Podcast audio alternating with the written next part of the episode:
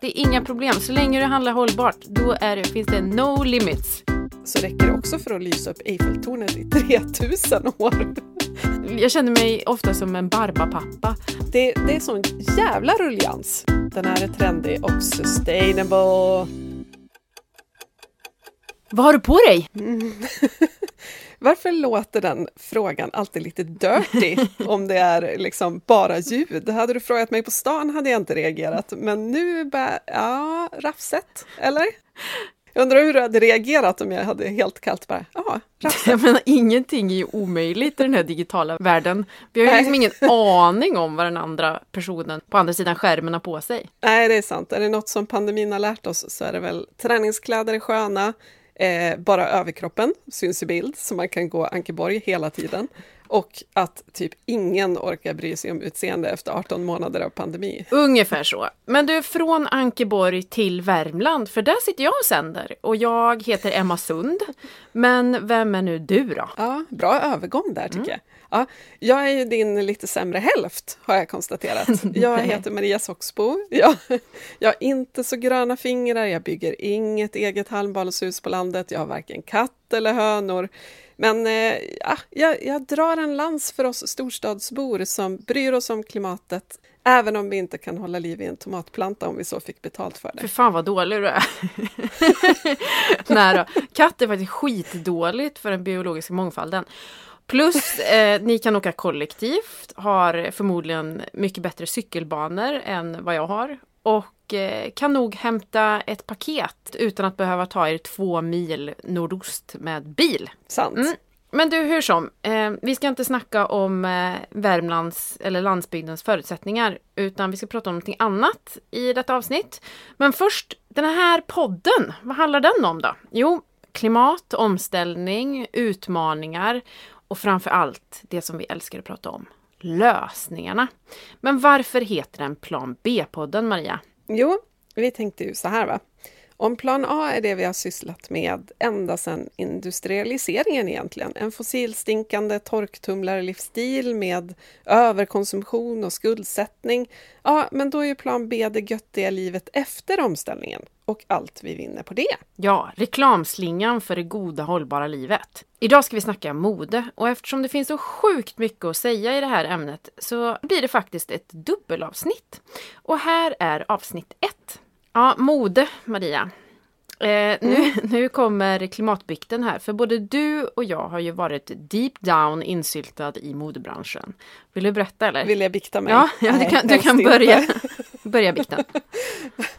Nej, men precis. Vi har ju verkligen en eh, gemensam bakgrund inom modemagasin med allt vad det innebär, med modeveckor och trendspaningar och shoppingkvällar. Eh, producera tidningar som är fulla med plocksidor som tipsar om splitternya saker, ingen second hand där inte. Hur påverkade det här modemagasins eh, karriären ditt beteende inom mode då? Ja men herregud, jag var ju loppisrotta. Och jag vet inte riktigt, man... Det är väl det som är mänsklighetens eh, stora negativa bajskorv. Det är ju väl att, att man vill passa in. Man vill vara som alla andra. Så jag minns att jag köpte ett par Stella McCartney-skor som var jätte, jätte obekväma. Jag köpte dem på någon utförsäljning sån där som man gick på hela, hela gänget liksom från redaktionen. Och jag ville på något vis passa in med de där skorna. Um, men att jag inte bara var en loppisrotta utan jag, jag kunde minsann också passa in. Um, Ja, men exakt. Och så blev man ju väldigt... Jag kände att jag blev påverkad på så vis att ju mer jag shoppade, desto mer shoppade jag också på något vis. Mm. Alltså började man dras in i det här att röra sig i sammanhang där man inte bara förväntas vara snyggt klädd utan också rätt klädd, alltså bära det senaste och det som alla snackade om. Ja, men då, då måste man ju hela tiden fylla på. Så löning, det var verkligen gå ut och köpa nya kläder. Men man ville ju bli tagen på allvar. Skulle man jobba och prata om det så var man väl tvungen att visa att man också förstod vad det handlade om. Alltså det blev en konstig karusell som blev ganska negativ. Sen så var det ju mycket annat som, som kanske inte var så så nice så här i efterhand. Eh, exempelvis så fick jag ett uppdrag att åka till Paris över dagen eh, med flyg för att titta på en väskkollektion eh, från Louis Vuitton eh, och sen åka hem igen och rapportera vad jag, skulle, vad jag hade sett. och det är väl kanske ingenting jag sätter på min meritlista längre ska jag säga, men då var det ju på något sätt status att man var lite så här jetsettig och hängde med, att det var en statusgrej liksom. Här hade jag ju önskat att jag kanske ifrågasatte mer. För det går liksom inte att skylla på någon egentligen.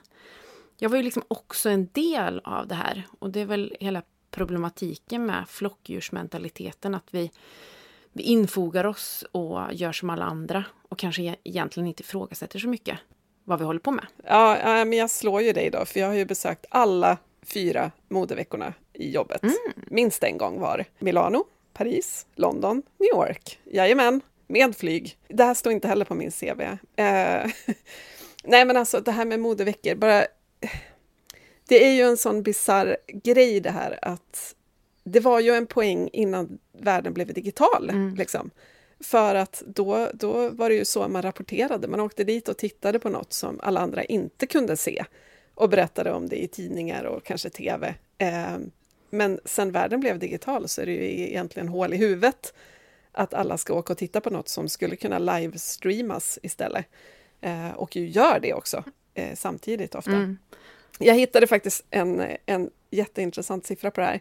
Innan pandemin så räknade ett modetechbolag som heter Ordre, Ordre eh, och ett konsultföretag som heter Carbon Trust ut att om man skulle räkna ihop alla utsläpp som som liksom är kopplade till alla de här som åker till de fyra stora modeveckorna, precis som jag gjorde en gång i tiden. Eh, och kanske någon liten, typ Köpenhamn. Om man räknar ihop allt det under ett år, ja, men då blir det 241 000 ton koldioxid. Oh, eh, och det här, bara för att sätta det i relation till något, så skulle det alltså räcka för att lysa upp hela Times Square i New York i 58 år. Eh, och vill man ha en ännu sjukare referens så räcker det också för att lysa upp Eiffeltornet i 3000 om året.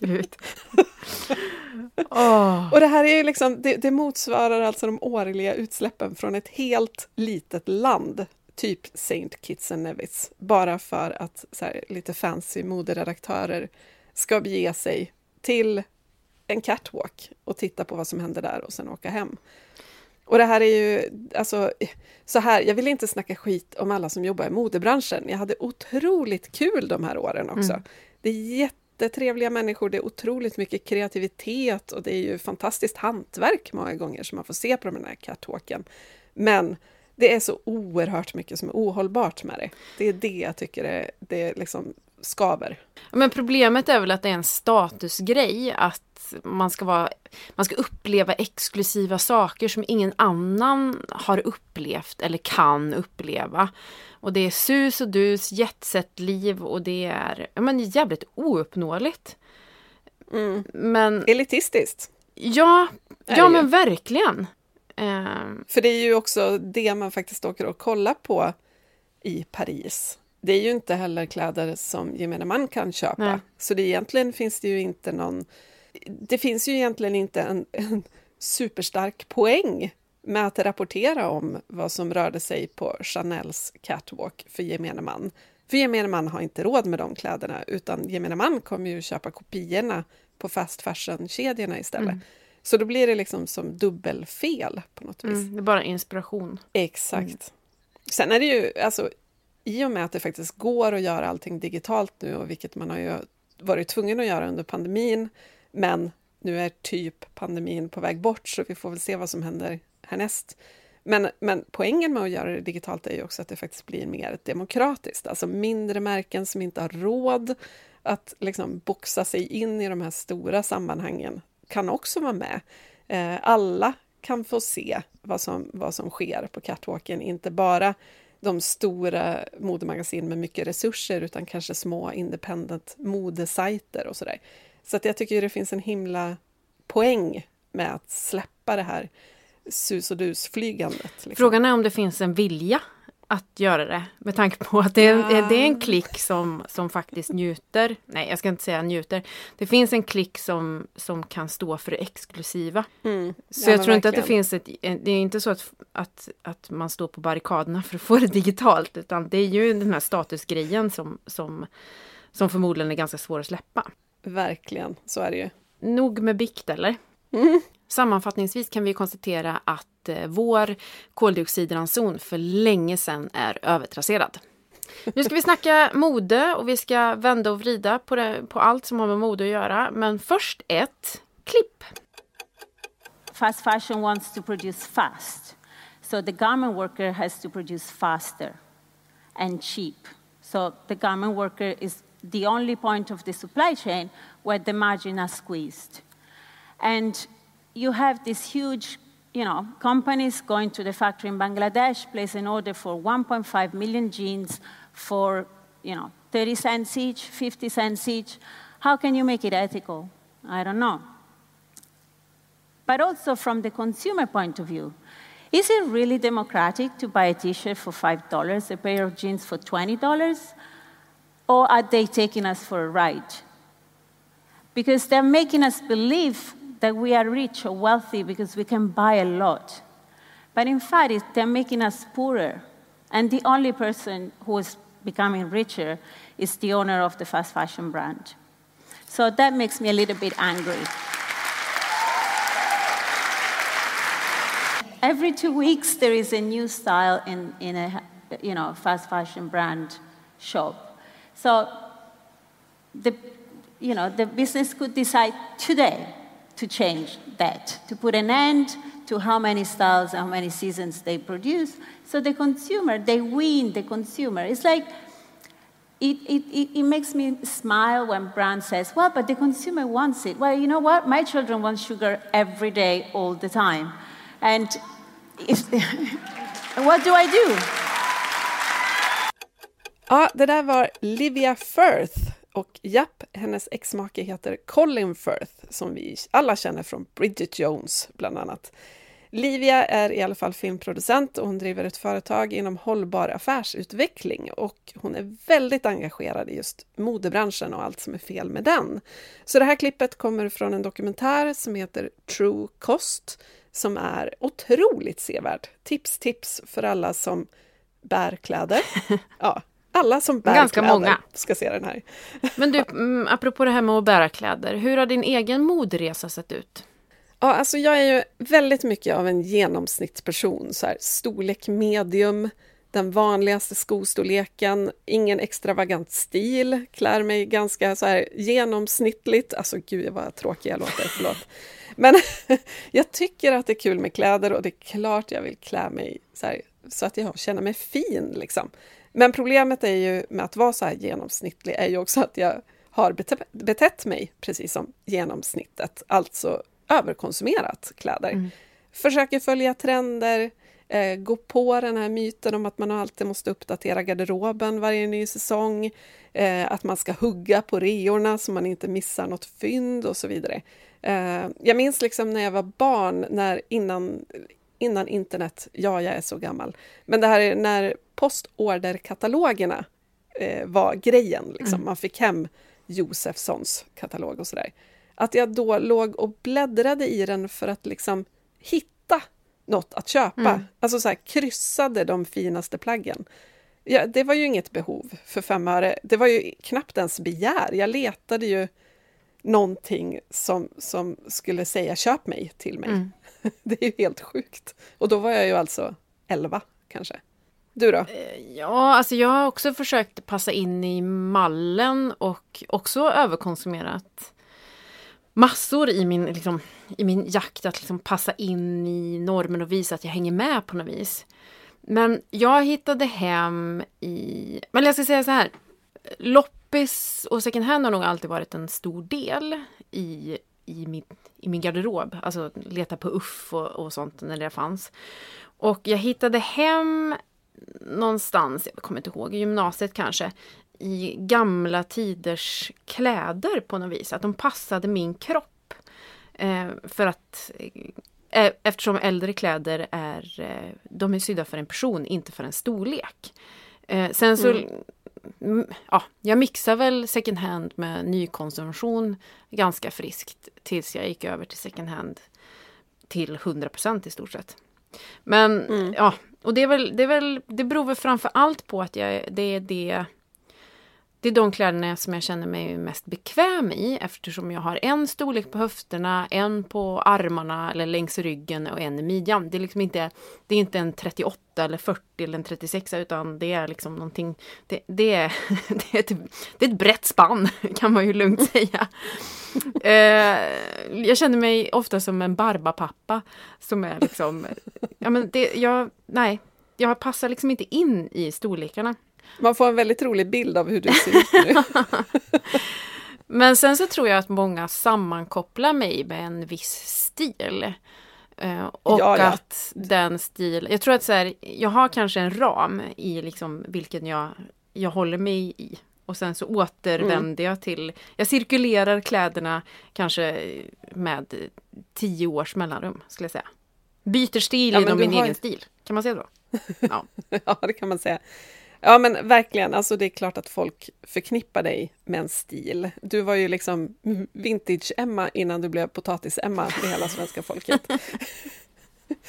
och fördelen med att ha en sån stil som du har är ju också att den är ganska trendokänslig. Alltså jag säger inte att du nödvändigtvis är trendokänslig, men din stil är ju inte beroende av trender, utan den är ju, eftersom den inte är här och nu, det tänker jag är en bra grej. Det är ju som ett lifehack egentligen för att kunna bryta sig fri från hela trendsamhället. Att hitta en stil som är konstant. Liksom. Medan jag förvisso har, alltså jag återkommer väl också till en viss typ av plagg och liksom modeller som jag vet att jag känner mig fin i. Så här. Men min stil är ju mer genomsnittlig och därför också mer trendpåverkbar kanske. Mm. Va, vad tror du? Ja, men jag önskar att jag var helt frånkopplad från trender. Att jag inte brydde mig, men det, det gör jag på något vis. Eller jag påverkas, ska jag säga. Eh, att jag, jag önskar att jag jag önskar att jag var mer frikopplad från trender, att jag bara körde min grej. För att jag har ju egentligen förutsättningarna för det. Jag gillar att ha hög midja i brallan. Jag gillar båtringat, jag gillar trekvartsärm eller långa. Alltså jag vet exakt vad jag gillar. Så varför mm. bryr jag mig överhuvudtaget? Jag borde ju... Hjälper det inte att flytta ut i skogen i Värmland? Jo, alltså? det funkar faktiskt ganska bra. Eh, ja. Eftersom man inte man har inte andras blickar på sig. Eh, man kan gå ut och bara så här, ja men jag ska Idag ska jag röja på tomten. Vad behöver jag för plagg då? Jo, något som tål det. Plus att vi har, äger ingen helspegel. Det är väldigt... Apropå Ankeborg. ja, precis, exakt. Eh, nej men det är ganska skönt faktiskt att inte se sig själv hela tiden. Jag kan faktiskt uppskatta det. Att jag, när jag ska iväg någon gång så går jag in till min mamma som bor i huset bredvid och speglar mig. Och det är lite den här känslan som man har på sommaren när, man, när, det, när det är så mycket som händer att man inte har tid att kolla sig i spegeln. Och därför inte bryr sig lika mycket. Eller faller det så för mig. Och det... Jag kan tycka att det är ganska skönt. Ja, men det förstår jag. Men sen en, en nackdel som jag kan se kring den typ av stil du har, alltså en väldigt utpräglad vintage-stil, är väl kanske, och det här är ju inte ditt fel. Jo, ja, fram med det bara. ja, eller jo, lite, lite är det ditt fel. Men om din stil liksom blir synonym med second hand för människor som inte handlar begagnat, så kanske inte alla kan ta till sig den. För att alla kan inte se sig själv klä sig som du, mm. alltså i, i äldre typer av, eh, vad säger man, alltså eh, snitt och så. Mm. Eh, jag kommer ihåg att vi till exempel när vi skulle skicka dig till morgonsoffan när vi släppte Gör skillnad-boken, att vi sa okej, okay, hur klär vi Emma som en vanlis? Så att det här inte blir Ja, men det var väl... så att det liksom inte blir, så att du inte blir en, en figur som ingen kan relatera till. Nej men verkligen, den eh. känslan hade jag väl själv också. Att man vill inte... Man vill vara relaterbar på något vis. Och sen, ja. Och det är kanske väl det som har hänt när jag flyttat ut på landet också. I att här, men... Mm. Men nu kanske det är mer så här, för, för som sagt jag påverkas ju klart av, av trenderna också men jag köper kanske en second hand-version av, av den trendiga eh, manchesterbrallan. Mm, ja men exakt, och så, så har ju jag också eh, börjat göra. Alltså, det är klart jag påverkas, framförallt för att man, jag som bor i en storstad ser ju väldigt många fler människor varje dag än vad du mm. gör. Eh, och då ser man ju, även om inte jag går in i butiker längre, så ser jag ju vad folk bär på stan. Mm. Och det kan ju också vara inspirerande, det är ju på många sätt mer inspirerande, alltså street style. Och det speglar ju ganska ofta trenderna och så ser jag, oj vad många som har en sån där snygg bla bla bla. Och det är klart jag påverkas av det, men nu har jag ju lärt mig att jag, alltså, det allra, allra mesta går att, att inspireras av, trots att folk bär nya plagg, så kan jag gå in på en loppis och hitta motsvarande. Eh, så att jag, jag fortsätter ju att förnya och kanske uppdatera, men med second hand bara, för annars så tycker inte jag att jag får eh, göra det. Alltså behov kan jag fylla med nyköp, men inte begär. Mm. Typ så. Ja, Ja, verkligen. Alltså, sen så har vi ju liksom den nya digitala staden och gatorna som är Instagram mm. där man ser allting eh, precis hela tiden. Så det är klart att man, man påverkas. Men jag önskar på något vis att jag var ja, men, mer frikopplad och drömmen är att bli som min pappa. Att köra sin grej, att köra liksom, han körde manchesterbyxor. Alltså från tidig ålder till liksom pension. Eh, mm. Och ja, men helt, helt totalt frikopplad från rådande trender. Eh, eller som en tjej som jag träffade när du och jag eh, hjälpte till att producera skyddskläder för sjukvården under pandemin. Jag vet inte om du kommer ihåg det här, men eh, det var en tjej som eh, klädde sig i overall. Och då sa jag så här, ja, jädra ja. vilken snygg overall du har. Hon bara, ja men overall är min grej. Jag har en i ja, varje färg och det är typ hennes uniform. Och jag gillar det liksom tänket att sen så här, ja men grejen är väl att, för mig, att eh, köpa eh, den trendiga manchesterbrallan second hand. Visa att det går att handla den second hand, man behöver inte köpa ett nyplagg. Och sen mm. så hålla fast vid den. Ja men och det är väl också status i modevärlden, alltså de, de främsta stilprofilerna som finns är ju ofta att de har sin grej, alltså som Sara Danius var med knytblusen. Mm. Hon har ju alltid blivit berömd för sin stil, trots att hon har kört knytblus rakt av i alla mm. år. Alltså inte följt trender, men det är typ status också att hitta sin grej och hålla fast vid den. Vilket ju är ganska skönt ändå. Det finns vissa saker som är bra här. Ja, men precis. Det är ingen som blir känd stilikon för att de byter stil Nej, varje säsong. Exakt. Eller uppdatera. Ja, men du, ska vi börja, ska vi börja snacka om eh, modeelefanten i rummet? Jag kände eller? att det här kanske var ett bonusavsnitt. Bara våran lilla moderesa. Ja, men ska vi, ska vi snacka om eh, problemet med modebranschen eller? Problemet? Pro du tänker att det bara är ett? Eller? Problemen. Mm. Ja. ja, det finns ju en hel del problem. Ska vi, ska vi börja med... Var ska vi börja? Ja, men vi kan börja med... Vi kan börja med... Gud, det, är så mycket, det är så många problem. Vart fan ska vi börja, Maria? Ja, men vi börjar med vart våra kläder produceras. Och de produceras eh, nästan uteslutande i Asien där eh, fabrikerna drivs av kolkraft. Och det har vi ju lärt oss ganska eh, fett den senaste tiden att kolkraft är ingenting som är bra. Um, och sen så de här syntetiska materialen, till exempel polyester, de är ju då gjorda av råolja. Så vi går liksom mm. runt i problemet, kan man säga. uh, oh, Gud. Ja. 54 procent eh, av våra kläder de är gjorda av polyester. Så det är liksom hälften av alla kläder. Men vänta, 54 procent, det är ju inte ens, alltså ursäkta men polyester är ju så här svettigt. Ja men precis. ja, eh. Men det är billigt och håll, hållbart ur den aspekten att det typ inte, det är oförstörbart i princip. Ja, men, det är väl därför. Ja men framförallt så tror jag att det är billigt att producera. 69 procent av kläderna globalt har fossilt ursprung. Och det, här, eh, det här pratade Peter Alestig om i Dagens Nyheter för ett tag sedan. Ja, och det här är väl då en del av problem ett. Vi kan väl säga att det här var liksom lite bakgrundsinfo och nu kan vi gå in på de eh, eh, stora problemen. Problem ett, modeindustrin har spårat totalt. Ja. Eh, det här är ett problem. Och det är så många delar av det här. Till att börja med kan vi prata volym, kanske. Mm. År 2000 släppte europeiska modemärken två kollektioner per år i snitt, enligt McKinsey och EU-parlamentet. Um, och ja, men liksom höst och vår, inga konstigheter. Mm. År 2011 då var den siffran uppe i fem kollektioner per år. Ja, det är pre, Nu- pre-spring. Ja, exakt. Resort. Pre-spring. Ja. Resort, det du har på dig när du flyger till solen. Ja, det är så mycket fuckat med det här. Det var så, får jag, får jag bara ge en liten bakgrundsinfo till eh, Resort-kollektionen. det är alltså det som du har på Ja. dig när du mitt i vintern ska flyga till ett varmare land. Exakt. Bikini, kaftan, små lätta strandplagg som är svåra att hitta i svenska butiker just då för att vi behöver typ vinterjacka. Mm.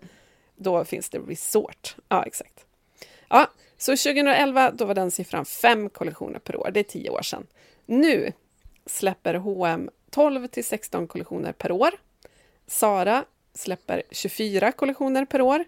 Och kinesiska Shine, S-H-E-I-N, som plötsligt är överallt. De adderar tusen nya looks varje dag. Åh, fan. Det är så sinnessjukt fan. mycket. Alltså. Och i och med att, alltså, och det är ju generellt så i, i fast fashion-kedjor att det är liksom inte ett, ett kollektionssläpp den så här 15 oktober och, då, och sen är det konstant, utan det, det liksom fylls ju på. Mm. Pl- Plaggen släpps kontinuerligt för att vi ska lockas in i butikerna varje vecka för att se om det har dykt upp något Mm. nytt. Eller varje dag. så det är då. inte heller... Ja, exakt. Det ska alltid finnas är- något nytt att, att shoppa. Precis. Ja, och sen så ska vi lägga till att det är ju inte den bästa kvaliteten utan det är så pass dålig kvalitet på många av plaggen så att ja, men vissa kallar dem ju till och med engångsplagg. De är snygga första gången du bär dem och sen så är det liksom ett stadigt förfall i att passformen inte är så snygg längre. Eh, linningen kanske inte hålls upp på samma sätt och är sådär snygg och välstruken. Sömmarna vrider sig när man tvättar plaggen så att de ser helt sneda ut sen. Ja, Så- och det är ju så att i snitt så bär vi ju bara varje plagg sju gånger nu för tiden. Mm. Det gör ju också att det inte är något andrahandsvärde i många plagg. Alltså även om man lämnar dem till loppis så kommer de inte bli sålda där för att de är så sneda och urtvättade och liksom Mm. fula i passformen. Mm. Så att det är som Ja dubbelproblem. men sladdriga material. Som, alltså, när man Precis. går på second hand idag eh, så finns det ju sådana här ställningar med sladd, alltså bara, allting bara sladdrar liksom. Mm. ja men exakt. Ja. Och sen har vi ju problemet då med överproduktion. Mm. Eh, inte nog med att det öses ut så himla himla mycket kläder hela tiden som vi förväntas köpa, utan vi hinner ju faktiskt inte köpa så här mycket kläder. Eh, så massor, massor, massor av plagg hinner aldrig säljas. Jag tror att jag läste någonstans att, att man producerar ett och ett halvt plagg för varje plagg man ska sälja, för det är så man får det sålt. Man måste liksom fylla butiken och sen måste man pumpa ute på en rea för en andra push. Liksom. Mm. Och resten typ slängs eller dumpas i fattiga länder, hamnar i landfills, eldas upp. Det finns liksom en massa problem och det här med att det dumpas i fattiga länder kan ju låta bra, men det betyder ju att man slår ut inhemsk klädproduktion till exempel. Mm. Ehm, så att det, är- ja, Åh herregud. Man blir lite, man blir lite ledsen. man blir lite ledsen, det blir man Ja, och faktiskt. s- också med tanke på att, att man jobbar så mycket med vad, vad vi människor liksom kräver för att shoppa mer. Att vi behöver välfyllda ställningar. Vi vill ha liksom maxad butik med mycket att, att välja mellan för att, för att få med oss ett plagg hem. Helst Mm. fem. Ja. Ehm, ja, man känner sig liksom lite lurad på något vis. Ja, men verkligen. Och i och med att den här globala klädproduktionen också ökar så himla snabbt, alltså den dubblerades från år 2000 till 2014, så köper vi också mer. Mm. Vi köpte 60 procent mer kläder per person under den tidsperioden, enligt en rapport från McKinsey. Eh, 2014 passerade antalet producerade plagg per år för första gången 100 miljarder. Mm. Det betyder att man producerade 14 nya plagg för varenda människa på hela jorden. Och guess what? Alla köper inte 14 plagg per år. Det är några som köper väldigt, väldigt mycket mer. Ja men fatta liksom. att det dubblerades under 14 år. Alltså det är ju helt sjukt. Och en rapport från 2019 räknade också med en tillväxt i branschen på 85, nej 81 procent till 2030. Så hela branschen förväntas också liksom öka. Så att vi går liksom helt åt fel håll. Helt åt fel håll. Vilket ju är helt sjukt med tanke på klimatmål och sådär. Ska vi pumpa upp klädproduktionen och samtidigt sänka utsläpp? Det går ju inte ihop. Nej, det går verkligen inte ihop. Någonting är fel. Eller no någonting. Det är ganska... En enda liten grej är fel. Som vi måste rätta till. Nej, men det finns... Eh, ja, det är många fel som vi måste rätta till. Och priserna är ju alldeles för låga. Eh, det är ju därför vi kan konsumera som vi gör. Att en t-shirt kostar lika mycket som en kaffe, typ. Och eh, priserna på kläderna har inte alls stigit i samma takt som andra konsumtionsvaror. I exempelvis USA och Storbritannien blev kläderna billigare från 1995 till 2014. Så att eh, vi producerar mer och kläderna blir allt billigare och eh, utsläppen ökar i rekordtakt. Ja, det är underbart det här. Eh, och sen har vi de uppenbara problemen med själva klädproduktionen, då, alltså att den förstör miljön helt enkelt. Mm. Eh, och det leder i sin tur då till hälsoproblem, inte bara för de som står i de här liksom, kemikalierna varje dag, utan också folk som bor runt om eftersom floder blir förorenade och dricksvattnet blir kontaminerat och sådär. Inom textilproduktion läste jag att det förekommer 165 000 olika kombinationer av kemiska produkter. Mm. Och då föds det barn som är skadade av de här gifterna från start. Och det är ju bedrövligt alltså. Och det här är ju för att eh, du och jag Maria ska kunna botanisera och gå på stan och ha det härligt och kanske få en impuls och gå på ett begär eh, istället för ett Jajamän. behov. Och eh, kanske få en liten sån här kick av att shoppa ett nytt plagg till pangpris. Varje vecka. Varje vecka. Ja. ja men det känns ju fräscht att vi, vi outsourcar liksom eh, eh, kontakten med alla kemikalier så vi slipper göra det själv. Så att vi bara kan bära nya plagg. Ja, det här är ju, det här är ju ett annat avsnitt, men jag, vill, jag skulle vilja se vad som hände om vår eh, omgivning påverkades på samma sätt av gifterna från klädproduktionen. Alltså att det var våra floder som blev missfärgade och liksom stränderna blev helt döda av, av alla kemikalier. Alltså skulle vi tycka att det var lika härligt att gå och shoppa nya plagg varje vecka då? Förmodligen inte, för problemen kommer närmare. Alltså, vi har ju pratat om det här förut, du och jag. Hur, hur, hur lärorikt det skulle vara om liksom så världens klimatpåverkan och miljöpåverkan eh, praoade lite i Sverige för en dag. Mm. Ja, men hur skulle liksom våra vattendrag se ut? Hur skulle vi må? Eh, är det någon som är taggad på att, att ta ett arbete och producera lite kläder utan och knappt ha rast? Och heller Nej, inte exakt. ha lön som räcker till att, att försörja sig.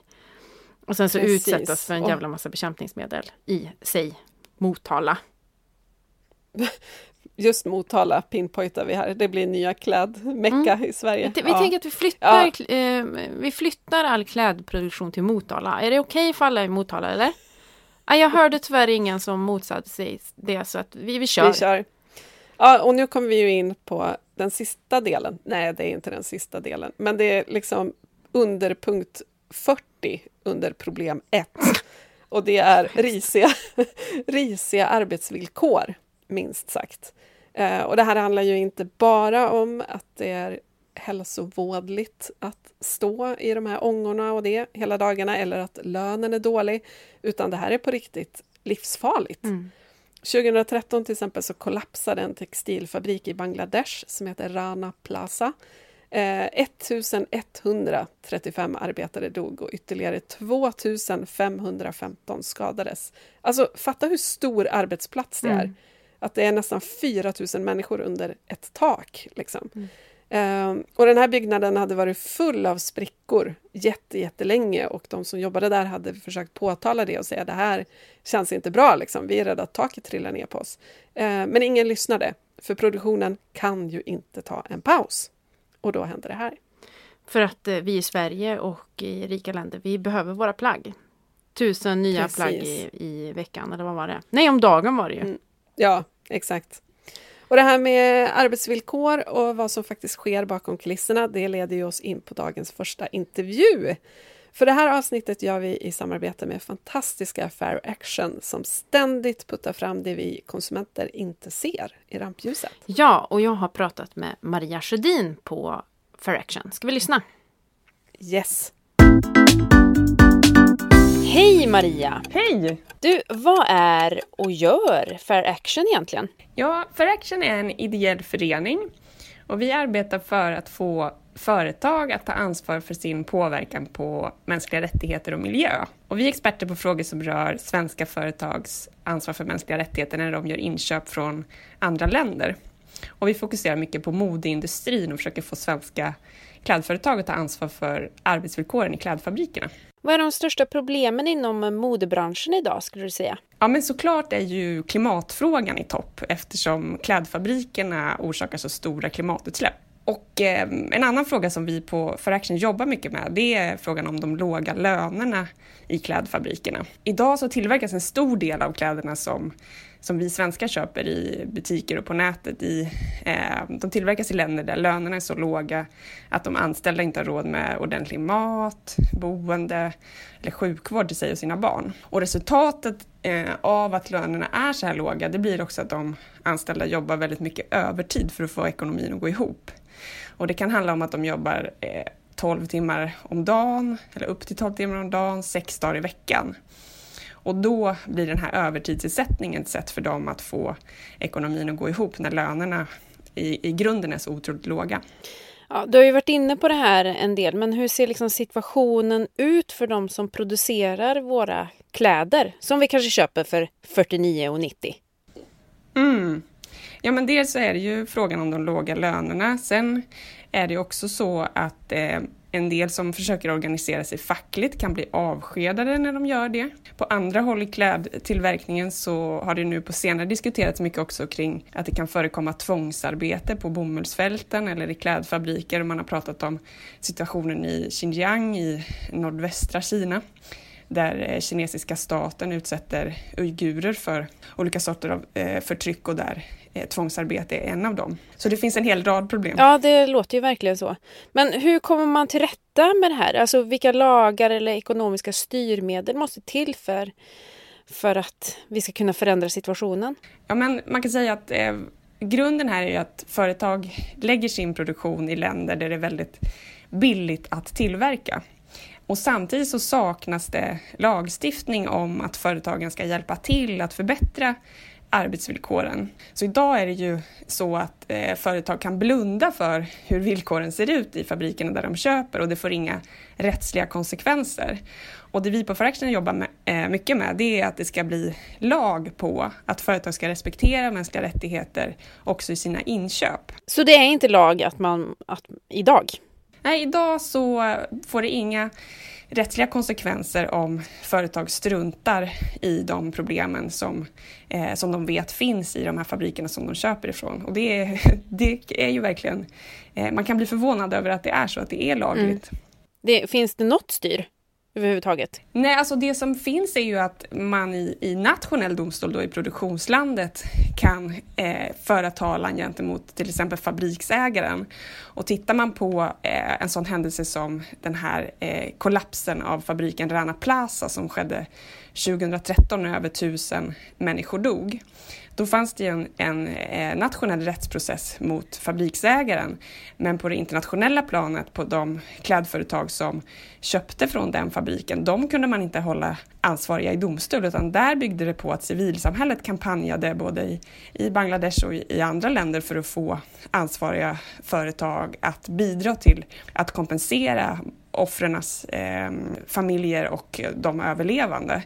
Så det byggde ju helt på liksom att företagen så att säga frivilligt eller ja, kunde tvingas genom kampanjande att, att bidra till kompensation. Va, vad var det som hände där? Ja, men det som hände var att eh, det var en, en eh, klädfabrik som eh, rasade samman och det var eh, flera våningar. Så de anställda krossades då under de här rasmassorna. Bland annat var det Benetton och Mango som köpte från den här fabriken. Och det som, ehm, som är viktigt att framhålla här är ju att det var känt vid den här tidpunkten att fabrik, klädfabriker i Bangladesh ibland byggdes på instabil mark eller med balkar och pelare som inte klarar att hålla upp tyngden av byggnaden och liksom tunga maskiner. Så, och trots att företagen kände till att den här typen av problem fanns så hade man inte agerat. Mm. Även fast konsekvenserna blev så allvarliga att över, det var 1134 människor som dog och över 2500 som blev allvarligt skadade. Och trots att det var en sån, eh, liksom en av de värsta tragedierna i klädindustrins historia så gick det inte att hålla de köpande företagen rättsligt ansvariga. Vad innebär den här lagstiftningen som ni vill se i praktiken? Man kan eh, förklara det så här att företag får en skyldighet att ta reda på vilka problem som finns hos leverantörsfabrikerna som de köper ifrån. Både när det gäller mänskliga rättigheter och miljö. Och sen så ska de också åtgärda, bidra till att åtgärda problemen. För tanken är ju att eh, idag så ligger ju ansvaret på fabriksägarna. Men de köpande företagen de tar ju den största delen av vinsten från försäljningen av produkterna. Och då måste de också ha ett ansvar att bidra till att förbättra villkoren. Det låter ju rimligt. Ja, men helt rimligt att liksom ansvaret läggs där pengarna mm. finns. Finns det några fallgropar med en sån här lagstiftning? Ja, men en, en risk som vi ser just nu det är ju att lagförslaget som förväntas komma från EU nu i slutet på oktober, att det blir väldigt urvattnat när det kommer. Eh, och till exempel så är vi rädda för att det ska bara omfatta de allra, allra största företagen. Och då är det väldigt många företag som mindre företag som inte kommer träffas och de kan ju också köpa från fabriker där villkoren är väldigt, väldigt dåliga. Och den andra risken som vi ser just nu är också att det, lagstiftningen inte kommer omfatta att företagen ska också undersöka villkoren hos leverantörernas underleverantörer. Jag nämnde innan problem till exempel på bomullsfält med tvångsarbete. Mm. Och det vi vill att företagen ska ta reda på hur problemen ser ut eh, även hos underleverantörerna och sen prioritera de allvarligaste problemen oavsett om de sker längre ner i kedjan eller hos de direkta leverantörsfabrikerna. Hur kommer man till rätta med den här typen av, av fallgropar då? Ja, men vi försöker driva på nu den svenska regeringen att i sin tur driva på inom EU så att det här lagförslaget blir så skarpt som möjligt. Så det är ju det, är det vi jobbar med just nu. Vad kan man som privatperson göra för att påverka? Ja, eh, jag skulle vilja ge tre tips. Och det första, som jag nämnde klimatet där i början, så tror jag att eh, eller när man handlar kläder så ska man ju fundera på om man kan köpa second hand eller laga eh, eller byta kläder just ur ett klimatperspektiv. Men för det andra så skulle jag tipsa om att bli medlem i For Action då stöttar man vårt arbete med att driva på för den här lagstiftningen på politisk nivå och också vårt påverkansarbete direkt emot klädföretagen. Och som en tredje punkt så tipsar jag om att följa oss på Instagram så man kan hålla koll på våra kampanjer och hjälpa till att sprida vår information. Tack så mycket. En sista fråga. En vanlig tanke är ju att man hjälper andra kvinnor när man shoppar. Alltså, jag tänker att det kanske är en, en skön tanke. Ehm, just för att det är många som, kvinnor som ehm, jobbar inom klädindustrin. Vad har du för tankar om det? Ja, men för det första så ur ett klimatperspektiv så kan vi inte handla mer och mer kläder för klädfabrikerna släpper ut så mycket. Och tar man Bangladesh som exempel där vi i Sverige köper väldigt mycket kläder ifrån så där är det ju på grund av klimatförändringar väldigt stora översvämningar för att havsnivåerna stiger och det förgiftar jordbruksmark och också dricksvatten. Så på så sätt är det inte, inte hållbart att fortsätta handla som vi gör.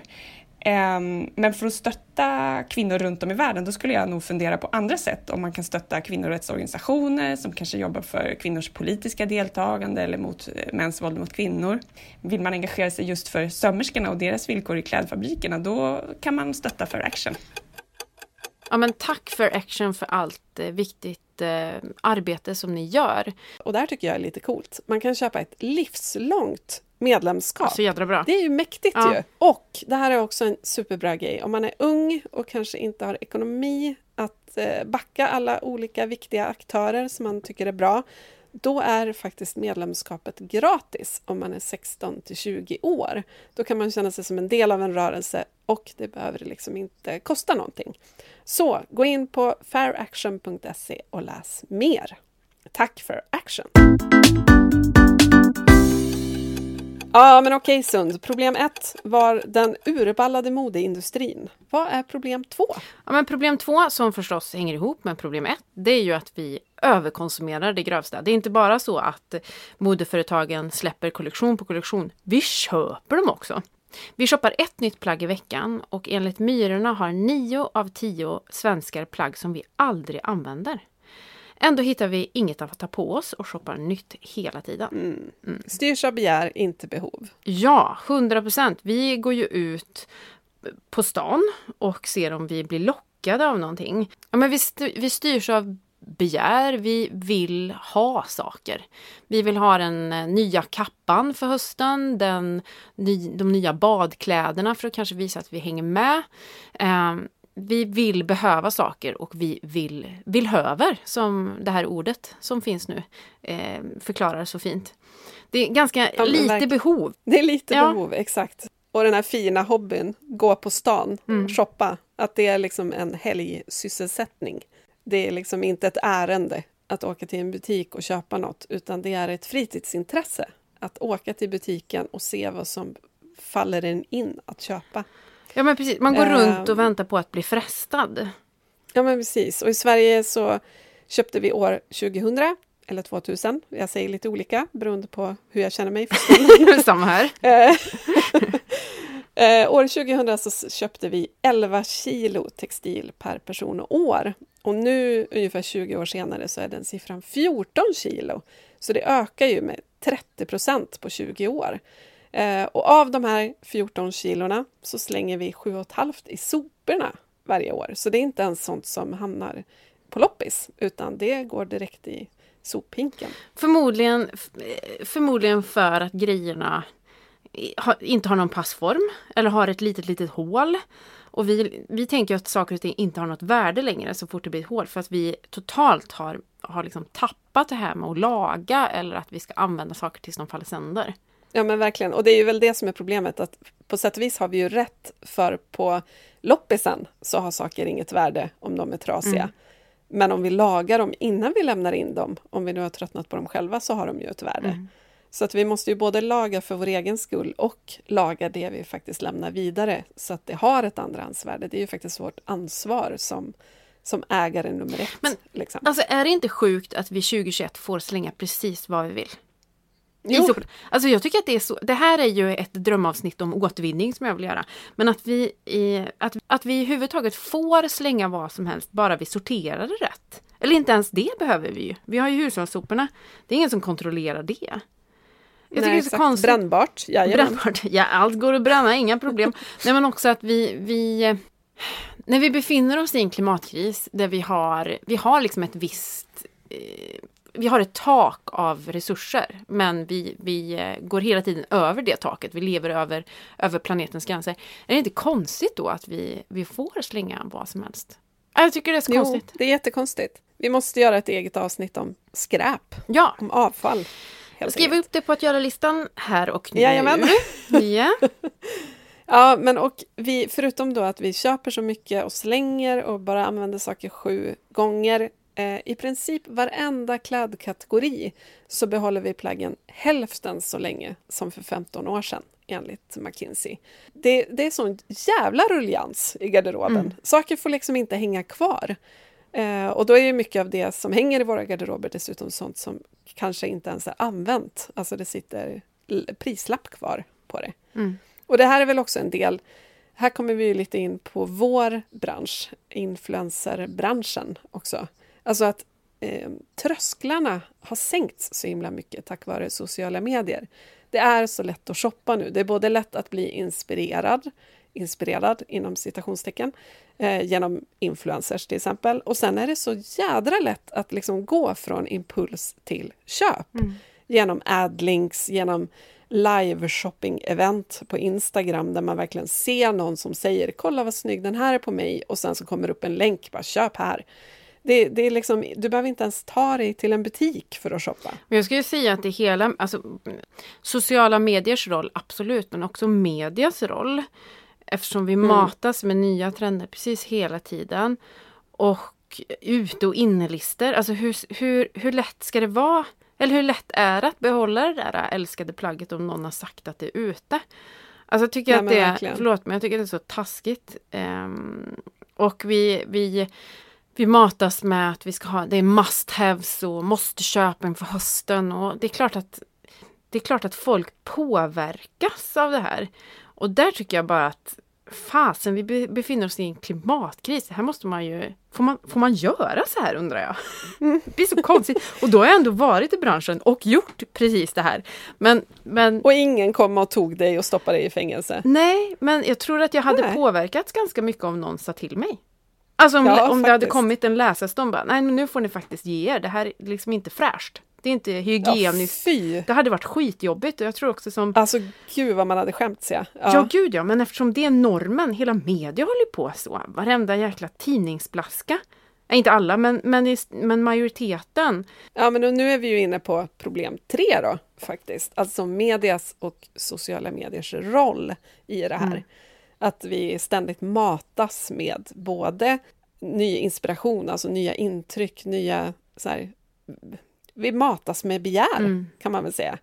Och då också att det, allting är så himla lättillgängligt och lätt att, att klicka hem. Vart, även om du bor i skogen i Värmland så kan du klicka hem vad som helst nu. Ja, precis. Det är svinenkelt. Skillnaden då mellan dig och mig, Maria, det är att jag måste åka två mil med bil till Mm. en ort. Du har en lite högre tröskel. Ja, alltså det blir liksom dubbelt upp i, i klimatutsläpp för min del. Exakt. På sätt och vis kan det ju vara en fördel det här med eh, att alla kan bli en stillikon på något vis. För till exempel så gör ju det också att någon som inte har normkropp kan hitta någon att inspireras Mm. av. För att det finns liksom intressanta stilförebilder i alla storlekar och med alla hudfärger och så vidare. Fortfarande total övervikt på blonda, smala människor, absolut. Men, eh, men det finns fler att hitta. Mm. Eh, och det är ju en fördel. Men det kan ju också bli någon slags oändlig jakt på den egna stilen. Att man bara så här, fortsätter att hitta nya människor som visar vad de äger och vad man kan köpa. Och, alltså jag vet inte, det känns som en, att det blir en ond spiral. Även om det börjar i något gott. Liksom. Jag håller med om att, att det, modet blir mer tillgängligt, vilket är bra. Eller kläder blir mer tillgängligt om man har ett behov. Men problemet är att vi, vi eh, handlar i stort sett bara efter begär. Det är lika tillgängligt för begäret som för behovet. Ja, precis.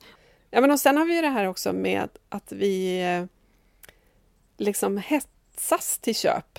Och nu låter det som att jag bara skammar influencers här, men det har inte riktigt med det att göra. Eller ja, delvis, förlåt. Men, men, men också ur företagens perspektiv, alltså att man gör limited collections, alltså limited editions. Eh, och så här, designerkollektioner, olika samarbeten som finns i begränsad upplaga och som släpps klockan 00.00 på natten ett visst datum och du måste hänga på låset eller på webben på låset eh, för att hinna köpa någonting. Och väldigt, väldigt mycket av den marknadsföring som finns kring mode handlar om FOMO, Mm. så här, fear of missing out. Hugg till nu eller det är rea en enda dag eller ja, men allting är liksom shoppa nu för du kanske inte får chansen imorgon. Mm. Vilket är egentligen konstigt, för om man ser på second hand så är det ju precis det det handlar om. Ja, Otroligt limiterat. Väldigt, väldigt. finns bara en faktiskt.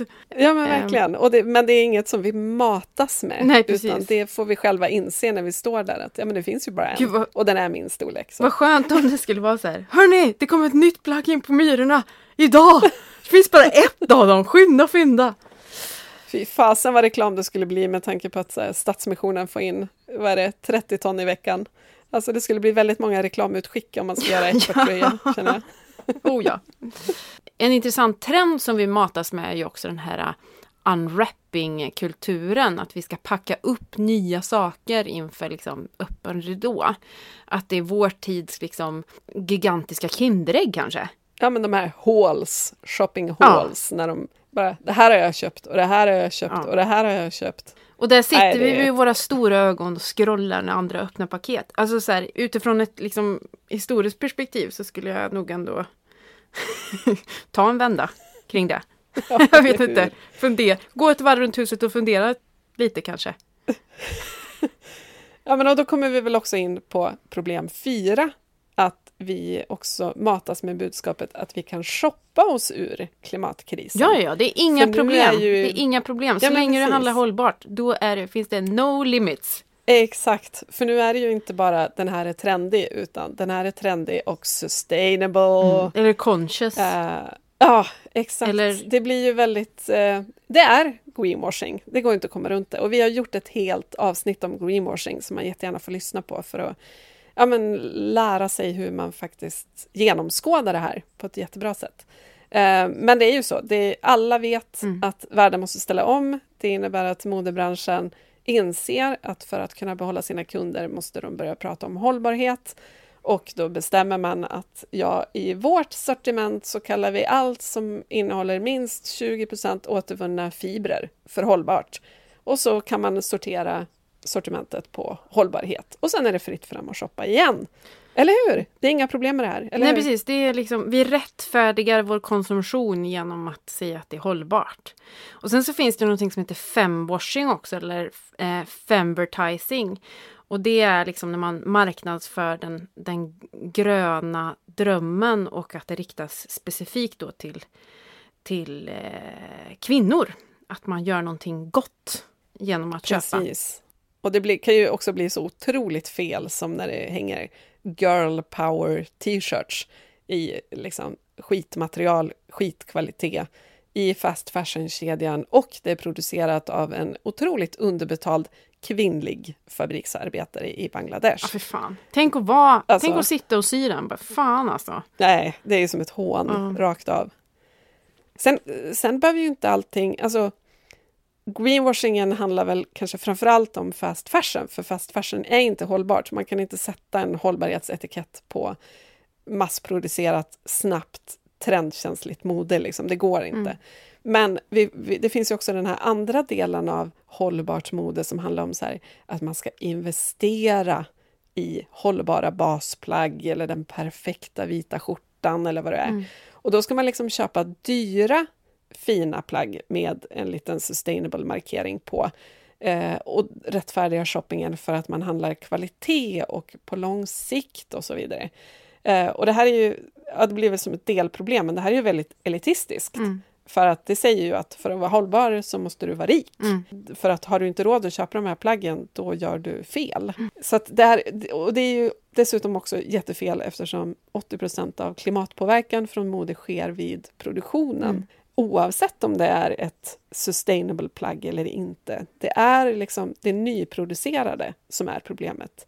Oavsett vad det står på prislappen, oavsett vad det är för material, så sker 80% av klimatpåverkan vid produktionen. Men jag, jag tror att många tänker att det har ett andrahandsvärde. Eh, men problemet är ju då att du är ju den som köper det jungfruliga materialet så att säga. Det är liksom första Ja, stoppet. Och det vill man väl kanske inte vara, tänker jag. Väl... Nej, det vill man inte vara. Och det blir ju som ett skämt också med tanke på att ofta de här plaggen som beskrivs som tidlösa och som är bra investeringar och klassiker och så vidare. Ja, men typ vita skjortan, blå jeans, trenchcoat, svart pennkjol och så vidare.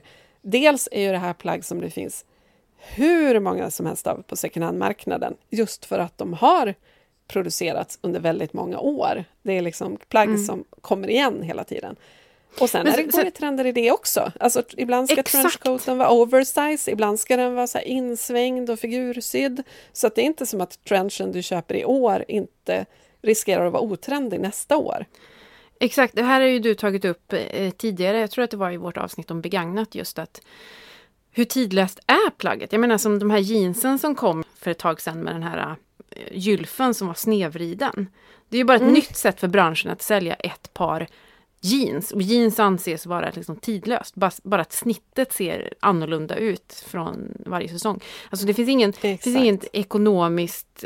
Alltså, det vi måste inse är ju att företagen vill ju sälja grejer. Ja men verkligen. Och det blir också så bisarrt att säga att ja, men köp, investera nu i en perfekt basgarderob. Och så kanske man gör det. Man köper en, en kappa och en kjol, ett par byxor, kostymbyxor och en vit skjorta och en ulltröja. Ja men då så. Då behöver man ju inte handla förrän de är utslitna då. Eh, och det är ju bra kvalitet, så det kanske handlar om 30 år. Mm. Vi, vi ses om 30 år i butiken då. Så funkar det ju inte, för nästa år får du exakt samma budskap igen. Mm. Att då ska du köpa en skjorta till som är lite längre eller med liksom an, annan typ av knäppning eller vad det än är. Så det funkar ju verkligen inte det tänket. Nej, precis. Och det och kan man återigen, väl också... influencers. Ja, Förlåt, för det, men, nej, ja. men, nej men jag tänker också att man, där kan man väl ifråga, ifrågasätta om man om, om ett modemagasin eller en influencer säger att man ska ha en tidlös garderob, då borde de ju rimligtvis bara prata om det och bära det. Bära sin existerande garderob, ja. Precis, utan att köpa Ja. någonting nytt. Ja, men verkligen. Alltså annars faller, ju ju hela, ett, annars faller ju hela liksom trovärdigheten, eller? Ja, man kan tycka det. Jag vet inte. Ja, Nej, nu känner jag mig så hård. Jag, känner, alltså jag, jag vill bara påpeka, alltså jag tycker det är så jobbigt, men jag vill bara säga att jag inte, jag, jag pratar inte om en specifik person, utan pratar om ett samhällsproblem. ja, ett fenomen. Ja. För det är ju inte en influencer som står och säger det här, utan det är ju en, en konsensus som råder både i både modemagasin och influencervärlden och liksom media generellt. Att ja, men köp kvalitet, köp bra material så är du safe och hit, leta miljö liksom, märkningar, vilket inte är miljömärkningar utan det är bara etiketter. Men ja, nej, och det är ju en väldig, väldig fokusering på till exempel material. Mm.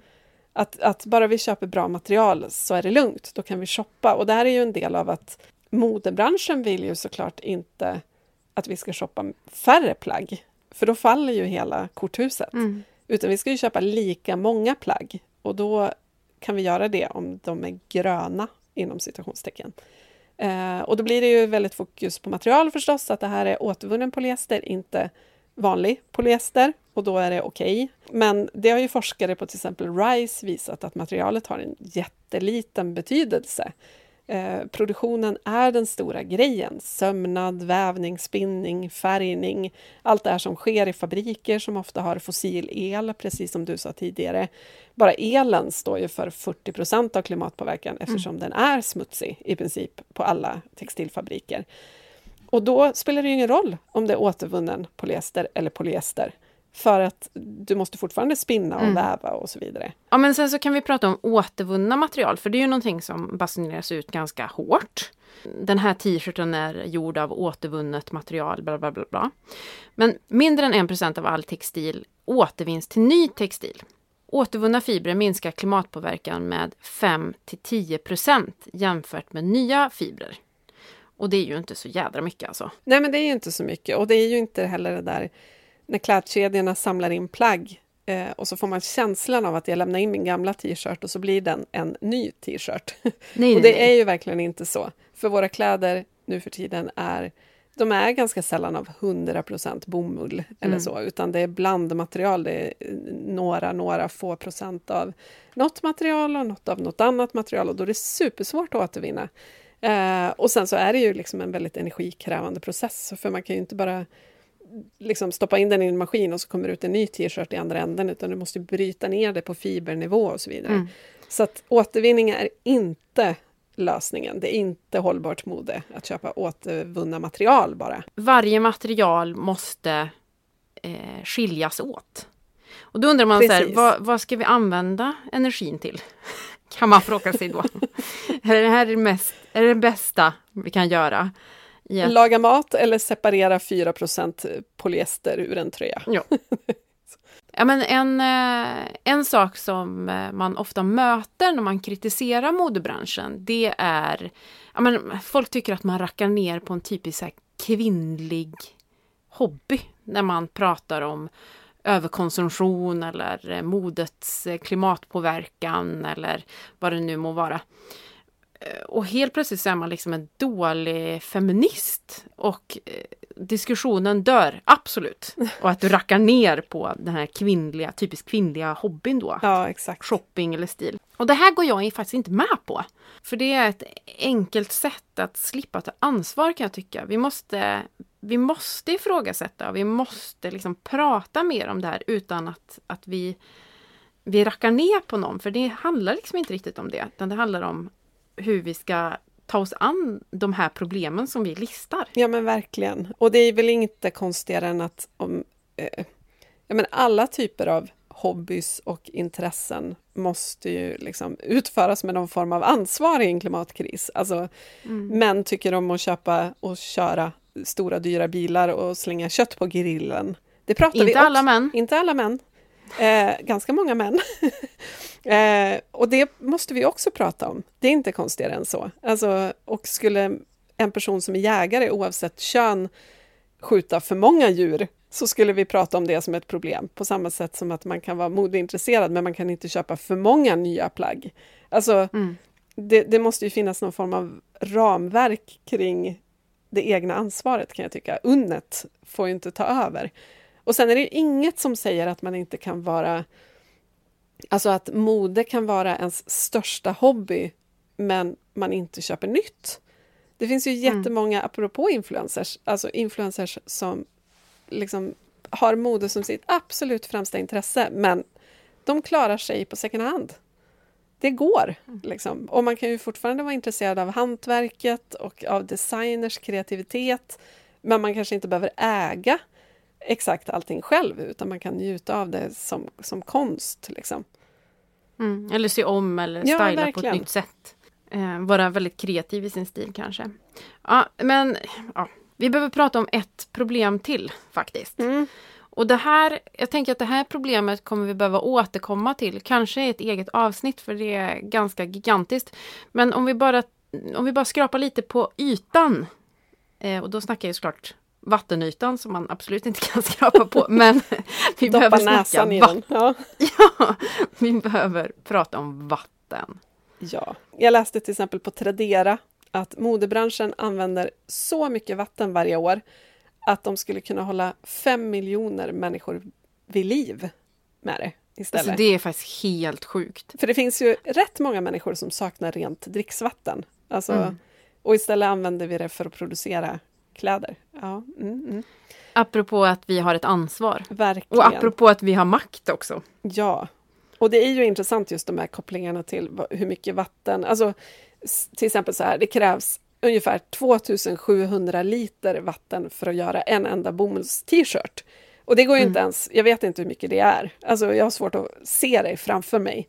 Men om man samtidigt då, som Planet Aid säger, eh, berättar att det kan hålla en person med dricksvatten i 900 dagar, alltså två och ett halvt år, då mm. förstår mm. man hur mycket vatten det faktiskt är. Till en enda en... t-shirt.